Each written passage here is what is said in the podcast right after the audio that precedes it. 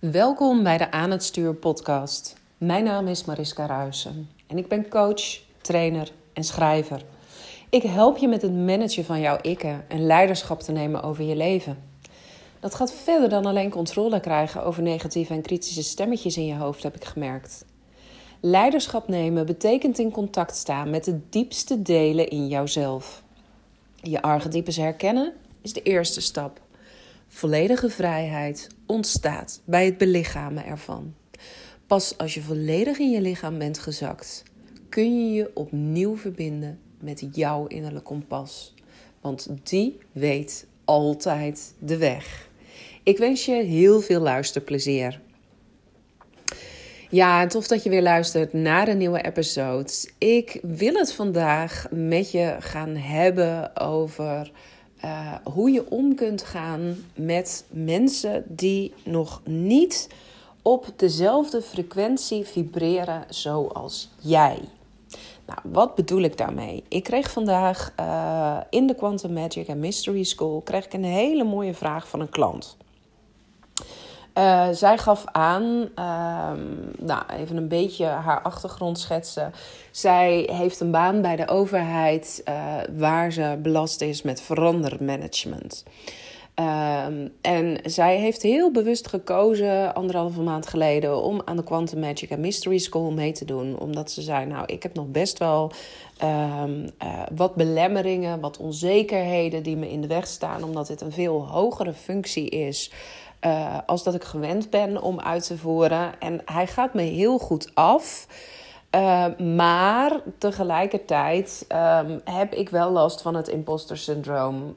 Um, dat er ook stemmetjes zijn die zeggen: Nou, jij gaat op een gegeven moment door de mand vallen. En om haar frequentie en haar vibratie te verhogen, um, heeft zij dus besloten om mee te gaan doen aan de Quantum Magic and Mystery School. Nou, ze zit er nog maar een paar weken in en ze zegt: Ik merk nu al enorm verschil, want ik word echt overladen met complimenten door mijn leidinggevende. En af en toe dan zie ik mezelf ook opmerkingen maken of uh, moves doen waarvan ik denk: hey, waar kwamen die vandaan? Dus zij staat sowieso al veel meer in contact met haar kwantum zelf, met haar hogere zelf, um, die heel goed in staat is om deze functie te overzien. Um, juist omdat ze heel goed uitzoomen kan. Uh, zij is heel goed in staat om het grotere geheel te overzien, waardoor zij ook kan zien uh, binnen de 19 vestigingen die deze overheidsinstantie heeft. Uh, wat moet er veranderen op microniveau, maar vooral ook op macroniveau, om de boel beter te laten stroomlijnen? En zij heeft daarin een coördinerende functie, dus ze hoeft gelukkig niet op al die 19 locaties aanwezig te zijn. Daar heeft ze werkgroepen voor aangesteld, maar ze deelde vandaag in de coachcall. Ja, weet je, um, ik vind het best wel lastig, want op het moment dat het in uh, ergens niet stroomt, dan komen mensen bij mij en het is altijd geklaag op individueel niveau. Het is altijd zo dat mensen gaan uh, lopen piepen en lopen klagen van ja, het werkt niet, want Pietje Puk werkt niet mee. Of uh, Jan Jansen die gooit zijn kont weer tegen de krip. En hoe ga ik daarmee om? En zij gaf aan van, nou, hoe meer ik ga zien dat eigenlijk het hele leven een inner game is. En alles wat dus in de buitenwereld niet stroomt, te maken heeft uh, met het feit dat het een reflectie is van jouw innerlijke wereld ze zegt, vraag ik me ook wel af van hoe kunnen we dat veranderen dan? Want ik heb helemaal geen zin om Pietje Puk of Jan Jonsen of Jan Klaassen aan te gaan spreken uh, van hey, ga dat eens uh, anders doen.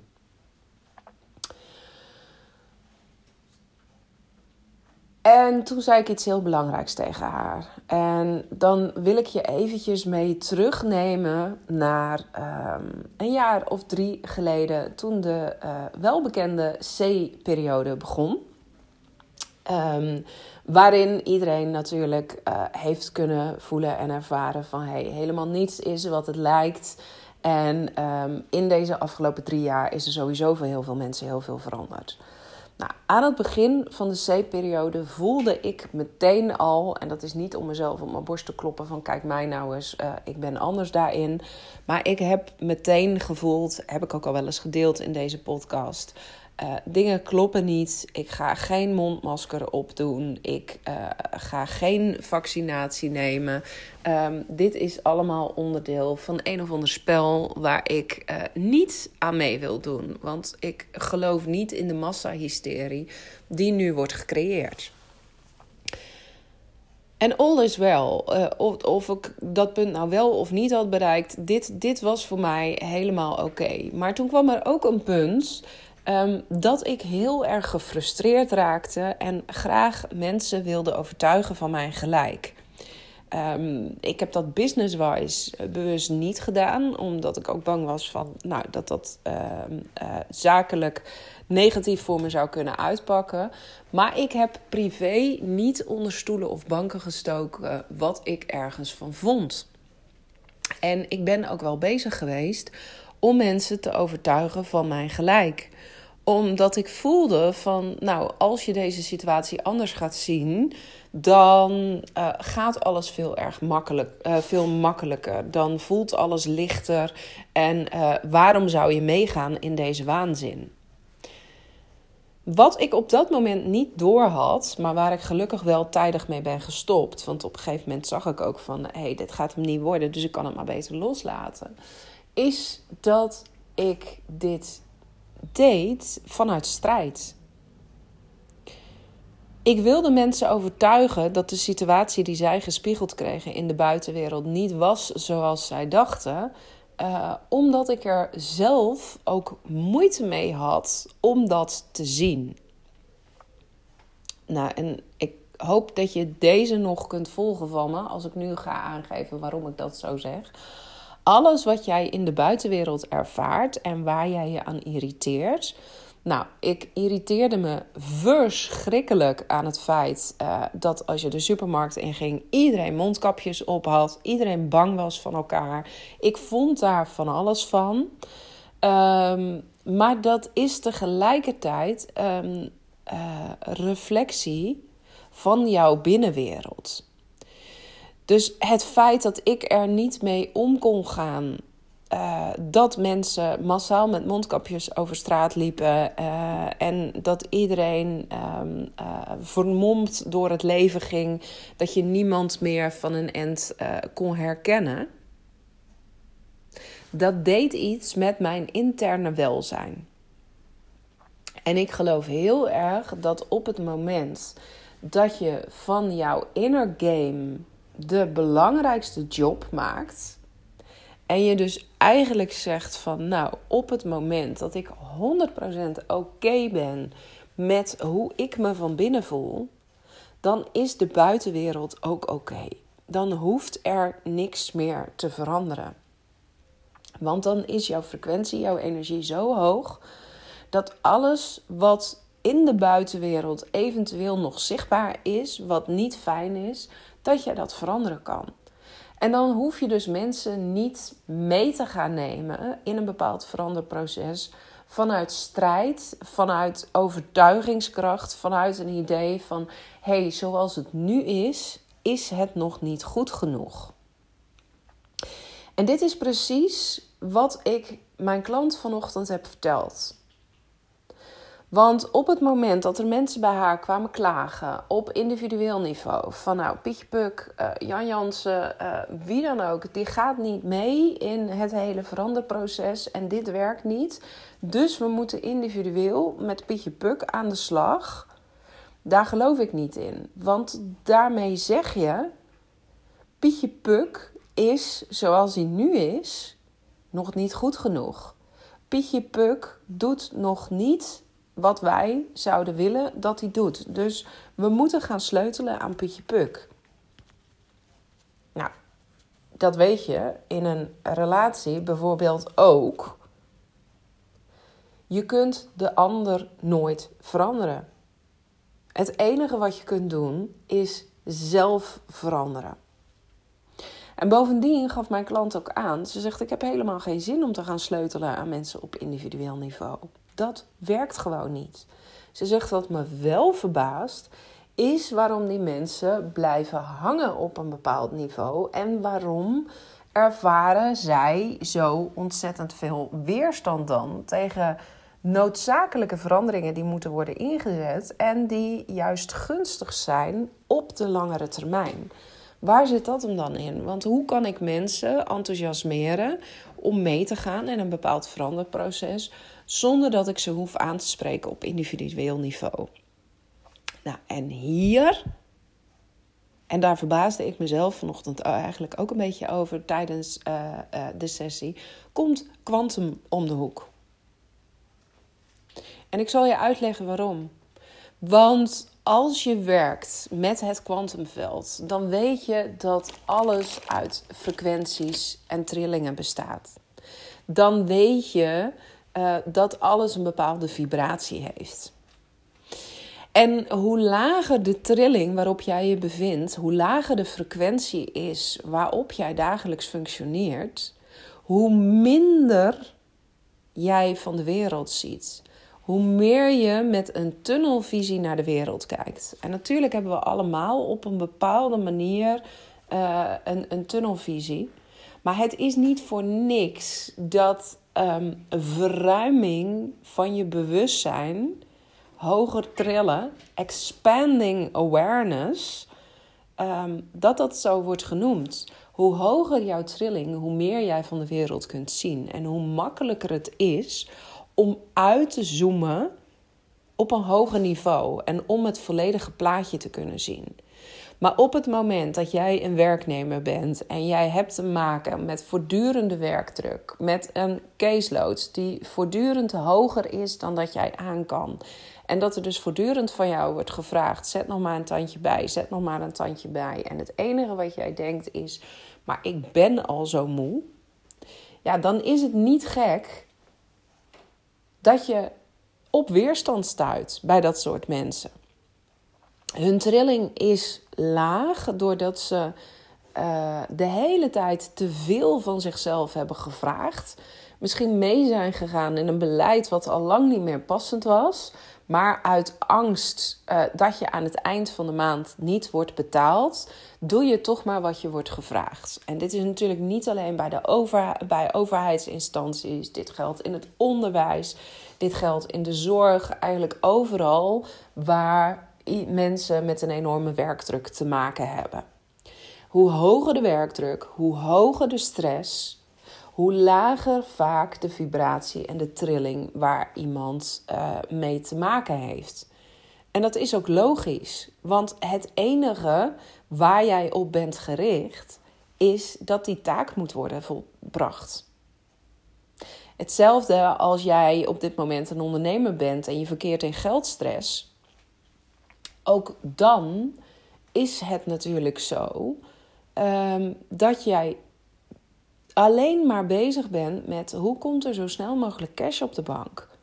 En eigenlijk zie je dan niet meer de oneindige mogelijkheden die er zijn om linksom of rechtsom dat geld voor elkaar te krijgen.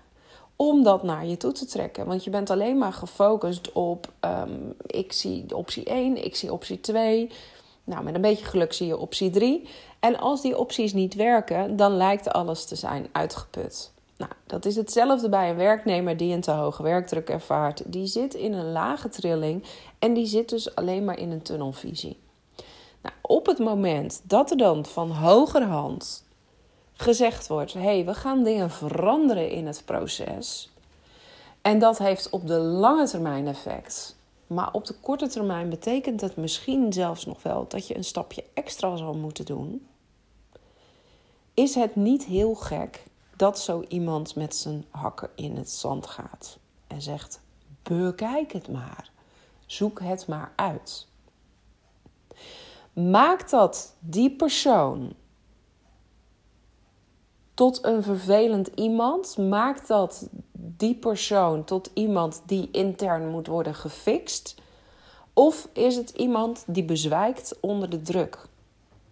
Is het iemand die het spel op dit moment op een lager level speelt dan degene die de veranderingen doorvoert?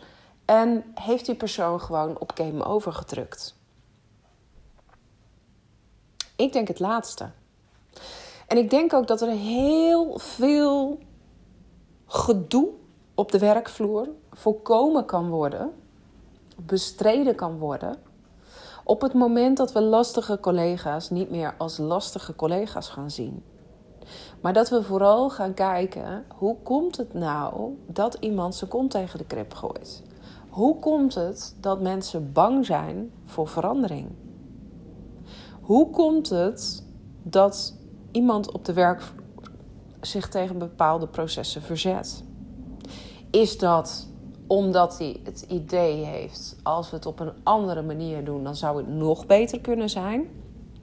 Is iets waar ik zelf de afgelopen jaren heel erg tegen aangelopen ben. Ik ben een visionair. Ik zie vaak waar verbeteringen mogelijk zijn. Ehm, maar op het moment dat dat door het management niet wordt opgepakt of als een bedreiging wordt gezien, ja, dat zijn ook de momenten geweest waarop ik zei: Nou goed, dan ben ik weg. Ehm, maar veel vaker is het zo, wanneer iemand uh, in verzet komt, dan is het omdat er in het interne systeem van die persoon nog van alles niet op orde is. Daar is de frequentie laag. Daar ervaart iemand veel te veel druk. Daar ervaart iemand stress. Uh, daar zit iemand in schaarste en tekort. En heel vaak zit dat op het gebied van tijd, energie en geld. Maar zodra je die frequentie gaat verhogen, gaat veranderen. Dat is ook precies wat er met mijn, collega, uh, met mijn uh, klant gebeurt nu in de Quantum Magic and Mystery School. Zij zegt: Ik ben nu uh, vijf weken bezig, heel consequent, met het veranderen van mijn energie. En ik zie daadwerkelijk dat ik aan het vliegen ben op mijn werk. Want het is zoveel makkelijker om de bigger picture te zien. Het is zoveel makkelijker om te zien waar we naartoe gaan. Ja, natuurlijk is dat. Hoe hoger je trilt, hoe hoger je letterlijk in energie komt. En uh, van bovenaf, met een helikopterview, is het altijd veel makkelijker om het grotere plaatje te overzien. Dat is fucking moeilijk als je vastgezogen zit in de grond. Dan kun je alleen de dingen zien die heel dicht om jou heen staan. Je kunt niet de rest van de wereld overzien, want jij trilt gewoon lager. En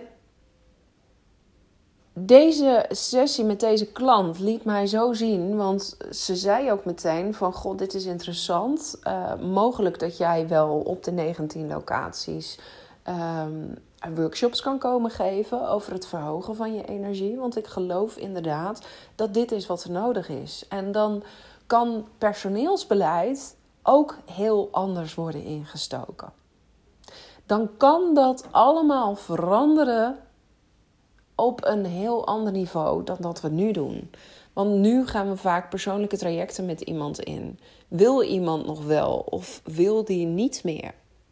Het zou zomaar eens kunnen dat heel veel mensen die nu besluiten om iets anders te gaan doen, omdat het werk ze niet ongelukkig, oh, omdat het werk ze ongelukkig maakt, dat helemaal niet hoeven te gaan doen op het moment dat ze optimaal gebruik maken van de energie die voor hen beschikbaar is omdat we dan gaan co-creëren, ook met elkaar, vanuit die hogere energie. Ga je nieuwe perspectieven, ga je nieuwe mogelijkheden zien. Ga je zien wat er allemaal voor jou nog uh, zou kunnen. Ook in een functie die je misschien al lang voor jezelf afgeschreven hebt. En ik geloof er echt tot in mijn tenen in dat wanneer iedereen vanuit een hogere frequentie in het leven staat, dat dus rigide systemen zoals uh, die door de overheid worden gefinancierd, het onderwijs, de zorg, dat we die kunnen veranderen van binnenuit. Dat dat mogelijk is. Alleen we hebben te beginnen met ieder persoon, iedereen te zien als goed genoeg. Er hoeft niks te veranderen aan die persoon. In de kern is die oké. Je kunt iemand wel aanspreken op gedrag wat je niet aanstaat. Dat kan natuurlijk altijd. Je hebt altijd mensen die uh, qua gedrag de kantjes ervan aflopen. Nou, en daar mag je het met elkaar over oneens zijn. Maar in de kern is iedereen al perfect. Want we zijn allemaal één. We zijn allemaal afkomstig uit dezelfde bron. We zijn allemaal hetzelfde in wezen. En de ene persoon staat nou eenmaal net iets dichter in contact met de bron dan iemand anders. Maar dat in contact staan met de bron en dus functioneren op een hoger niveau, dat is wat iedereen gewoon leren kan. Dat is wat er mogelijk is. En als je dat gaat leren, dan kunnen we de wereld omvormen tot een mooiere en betere plek. Nou, hoe komt het dan dat sommige mensen echt op zo'n lage trilling zitten? Heeft natuurlijk niet alleen met, uh, met, met de stress, gebrek aan energie en schaarste en tijd te maken. Ik denk ook dat je het leven letterlijk als een soort van computerspel, als een virtual reality game kunt zien. Want niets van wat jij op dit moment ervaart is echt. Alles is gecreëerd door de perceptie waar jij de wereld mee waarneemt. Door de lens waar jij door kijkt. Iets anders dan dat is er niet. En dat betekent dat jij alles wat je nu in je leven ervaart op, een, op de een of de andere manier zelf hebt gecreëerd. Omdat jouw ziel behoefte had aan die ervaring, eh, maar ook omdat bepaalde overtuigingen je daartoe hebben geleid. En het zorgt er dus voor ehm, dat mensen die zeggen: Nou, ik heb van een bepaalde ervaring geleerd en ik ben klaar om nu verder te gaan, dat die letterlijk levels verder komen in dat computerspel. En totdat jij een les hebt geleerd, totdat je daarmee klaar bent, zul jij steeds in dat spel terugkomen op game over. Begin maar weer opnieuw. Game over. Jammer dan wat jij tot nu toe hebt gedaan. Het is je nog niet gelukt. Dat is waar die mensen in zitten op een lagere trilling. Zij hebben nog niet ervaren hoe ze door kunnen gaan naar het volgende niveau. Mijn klant die heeft al een paar levels afgelegd. En die zit op professioneel niveau, geeft ze ook toe, zit ze al best wel heel hoog. Heeft ze misschien zelfs al wel de advanced state bereikt intern in haar zijn er ook delen waar dat nog minder hoog trilt. Op relatiegebied bijvoorbeeld vindt zij het nog veel lastiger en zegt ze van nou zit ik echt nog in de game over mode. En wanneer ik daar zit, dan kan ik me ook veel makkelijker verbinden met die mensen die op professioneel niveau in game over mode zitten. Omdat ik snap waar zij zitten.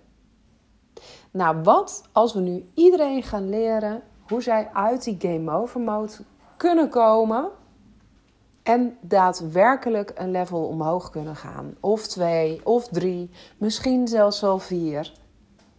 En wat zou er gebeuren als je dan dus daar letterlijk steeds hoger op de ladder stijgt en je dus met een helikopterview het leven, eh, je werk, de samenleving, wat dan ook kan overzien, dan kun je veel sneller zien waar iemand behoefte aan heeft en kun je heel veel conflicten voorkomen.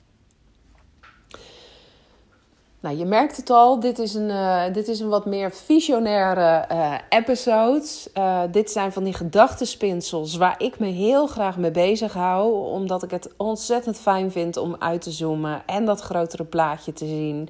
Bovendien vind ik het heel bijzonder dat deze klant op mijn pad is gekomen. Omdat ze letterlijk in het werkgebied werkt waar ik al een paar jaar geleden afscheid van heb genomen. Omdat ik voelde van, hé, hey, er zit geen beweging in. En nu komt er dus iemand op mijn pad die er wel beweging in krijgt, maar die zegt: hé, hey, ik heb hulp nodig. Nou, dat inspireert mij natuurlijk enorm. Uh, dat ik denk: oh wauw, ik wil nog zoveel meer doen dan alleen één op één met mensen werken. Of in de Quantum Magic and Mystery School of in de Mastermind. Wat ik echt dolgraag zou willen, is een revolutie op gang brengen op grote niveau. Nou, luister jij deze podcast en uh, ben je werkzaam bij de overheid, in het onderwijs, um, uh, in de zorg? En zeg je van, oh ja, maar dit is wat er gaande is. Wij hebben ook last van mensen die steeds lager gaan trillen, in een klaagmodus zitten, in verzet zijn. Um, uh, geen zin hebben om mee te doen aan bepaalde veranderingen. En dit leidt uh, constant tot uh, frustraties. En ik zou het wel anders willen, maar ik weet niet hoe. Nou, laat me dat dan vooral ook weten op basis van deze podcast. Ik blijf één op één werken. De Quantum Magic Mystery School staat ook gewoon nog steeds open voor iedereen die daar aan mee wil doen. Nou, neem het voorbeeld uh, uh, van de klant waar ik het net over had. In vijf weken tijd zegt zij van nou is er al zo mega veel veranderd op professioneel niveau. Ik ben benieuwd waar ik over een jaar sta als ik ook uh, op andere persoonlijke gebieden met mezelf aan de slag ga. Maar voel jij, hey, um, wat zou er gebeuren als er binnen het bedrijf waar jij werkzaam bent um, echt gewerkt gaat worden aan het verhogen van die energiefrequentie. Als je echt gaat spelen met het kwantumveld. En wanneer je je dus gaat verbinden met die hogere versie van jouzelf, die al op een hogere trilling zit. Uh, wat wordt er dan mogelijk? Welke openingen komen er dan? Welke mogelijkheden ontstaan er dan? Wil je daar meer over weten? Dan ga ik heel graag met je in gesprek. Want um, ja, deze sessie van morgen heeft mij doen realiseren dat ik eigenlijk um, mezelf ook nog veel te klein aan het houden ben. En um, dat het verhogen van je frequentie, het verhogen van je energieniveau, dat dat uh, op veel meer lagen in onze samenleving. Uh, en met name ook in de professionele wereld mag worden ingebed, omdat we daarmee echte veranderingen tegemoet kunnen gaan. Dus heb jij ideeën hoe ik dat zou kunnen doen? Of uh, voel je hierin heel erg een uitnodiging van: oh hell yes, uh, kom maar langs. Laat het me weten uh, en dan hebben we contact. Dank je wel weer voor het luisteren. Um, luister je deze podcast en je denkt, nou, dit moet echt een collega van me horen of iemand anders. Hier zou wel eens uh, pure magie kunnen ontstaan als jullie gaan samenwerken. Zou ik het natuurlijk super tof vinden als je deze podcast voor me wilt delen. Uh, laat ook eventjes een review achter op Spotify of in uh, andere podcast-apps waar je deze podcast beluistert. En dan hoor ik je heel snel weer in een nieuwe episode.